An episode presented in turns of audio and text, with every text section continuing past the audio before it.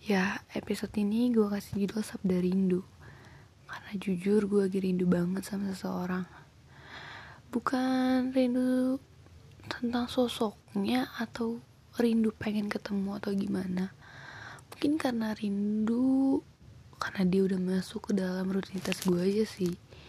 Jadi kayak dimulai pagi gue kayak biasa ngabarin dia. Entah gue bikin dia kesel dan lain-lain sampai malam teleponan bercerita tentang apa yang terjadi hari ini minta pendapat-pendapat mengerjakan tugas bareng lewat telepon sampai akhirnya kita ngucapin good night dan I love you dan jangan lupa ya. Dan sekarang semua telah tiada. Gue nggak bisa lagi melakukan rutinitas rutinitas rutinitas itu. Gue udah nggak mau lagi tampak sedih di depan orang banyak mungkin kalau dulu gue masih seumuran ya 13 tahun yang dulu-dulu mungkin hobi gue ngegalau di sosial media.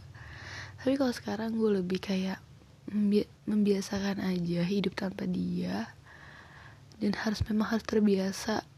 Dan gue harus percaya sama semua yang udah terjadi kalau emang ini yang terbaik.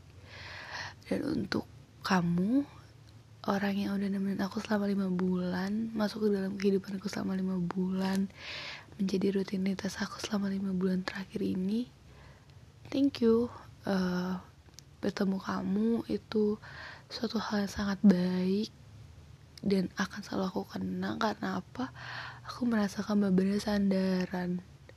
Aku benar-benar tahu tempat di mana aku akan pulang aku jadi punya teman untuk bercerita anything kamu tuh yang saya aku bilang ke kamu kenapa kamu itu beda dengan yang lain? Kamu tuh bisa diajak ngobrol segala hal.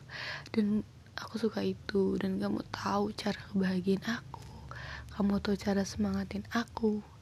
Tapi ya sudah inilah akhirnya semuanya cerita yang telah kita rakit bersama kita tulis bersama sekarang harus tutup buku. Jadi sudah selesai sekarang jika kita rindu ya hanya kita bisa baca semua yang pernah kita lakukan bersama. Sehat terus ya kamu. Aku di sini akan baik-baik saja. Jujur sedih banget pas kamu milih untuk kamu untuk sendiri dulu.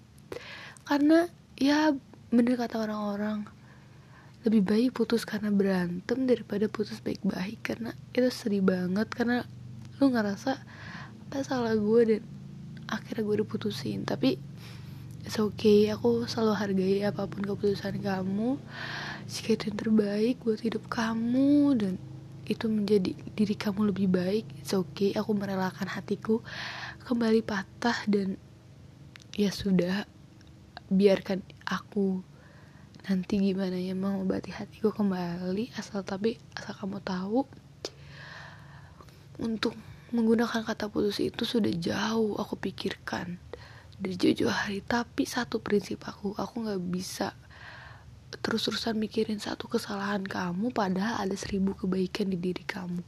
Jadi kenapa aku selalu nunda kata putus kata putus? Karena aku percaya di diri kamu tuh banyak hal positif yang nggak bisa aku dapetin dari orang lain. Tapi ternyata malah aku yang diputusin tapi it's okay.